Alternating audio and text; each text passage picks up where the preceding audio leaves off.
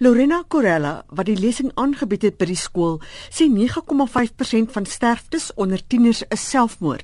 There's a lack of knowledge and a lack of approach with regards to suicide. Everybody, unfortunately, is wrapped around in their own nutshell that they neglect to see that there's a big majority in this country with regards to suicide, especially the teens. And they don't know where to seek help, they don't know where to find the correct information. Corella sê selfmoord is permanent terwyl tydelike probleme uiteindelik hanteer kan word. Sy het die tieners aangespoor om mekaar te ondersteun en simpatie te hê vir ander se probleme. You need to what? Identify the signs. For how long it continues. Has something else developed? Has she started maybe not sleeping or maybe she's become withdrawn from everybody? So you need to be very cautious and identify those magic things called signs. Evelyn Fourie sê haar maat het verlede jaar selfmoord gepleeg want sy het baie probleme gehad wat sy nie gedeel het nie. Sy was 'n suster vir my. Ek het nie 'n suster nie. So sy was altyd daar vir my en dit maak my nou nog seer because dit voel like of dit gister gebeur het. Nou wat dink jy moet 'n mens doen wat homself wil doodmaak? Praat met iemand jy kan nie help kry. Dit is 'n probleem te groot nie. As jy nie kan nie, val op ook nie en bid vir die Here, die Here sal jou help. Imogen Jacob sê daar was 'n man in die gemeenskap wat 'n paar jaar gelede selfmoord gepleeg het. Dit kon moontlik 'n voorbeeld gestel het aan hulle vriendin oor hoe om haar probleme uit te stry. I'm not sure his reasons because he tried every year. Ne?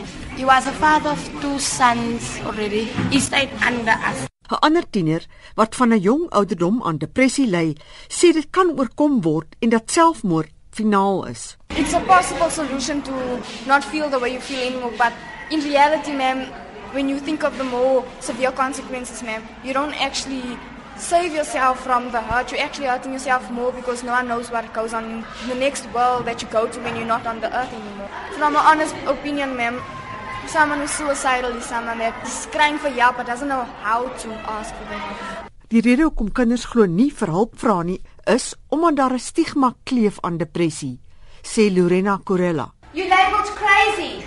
You labeled crazy. You depressed. You're crazy. You're also depressed over there. You're also crazy. That's stigma. She has to go on medication. She's depressed. So that makes her bad. That's stigma. Die matriekleerling wat homself as 'n elektriese ingenieur wil bekwam, sê hy was gelukkig om sy depressie te oorwin. Van ek ken myself en ander mense sê dieselfde soos ek as so. Hulle sal help nodig. Die kinder-TV-ster Shade Giliberti het die tieners vertel van haar ervaring as kind en wat sy gedoen het om depressie te oorkom. When you're feeling down, watch a comedy. When you're feeling down, yes, write your emotions down. Write them down. It's such a nice external way to get them out there. The only thing is, if you write it in a diary, nobody else reads it. And the nice thing is, like I said, I have boxes and boxes and boxes of this stuff. And once in a while, every couple of years, I go back and I read, and I'm just like, sure, hey, I've overcome a lot. I was in such a dark place in 2001. Look at me now. Shade Giliberti het veral die jong mense aangeraai om empatie te toon vir kinders wat probleme het. Die onderwyseres wat lewensvaardighede onderrig by die skool, Corinne Jacobs, sê sy kry baie te doen met kinders wat dreig om selfmoord te pleeg en het al gevalle hanteer waar kinders dit wel gedoen het. Our last case was last year when a grade 9 learner threw herself in front of a train and we learners have threatened to commit suicide on a daily basis. Die skoolhoof van Westbury Sekondêre Skool, Ben Robertson, sê die gemeenskappe het meer veldtogte soos die nodig. Our children are really living in a stressful environment, really really a high depression rate there in terms of unemployed parents, single parent homes and we expect them to come to school and just learn. Some of them have to go back, they have to look after their little siblings. Uh, some of them have to play the mother and father in the house. All those things have an impact on learning.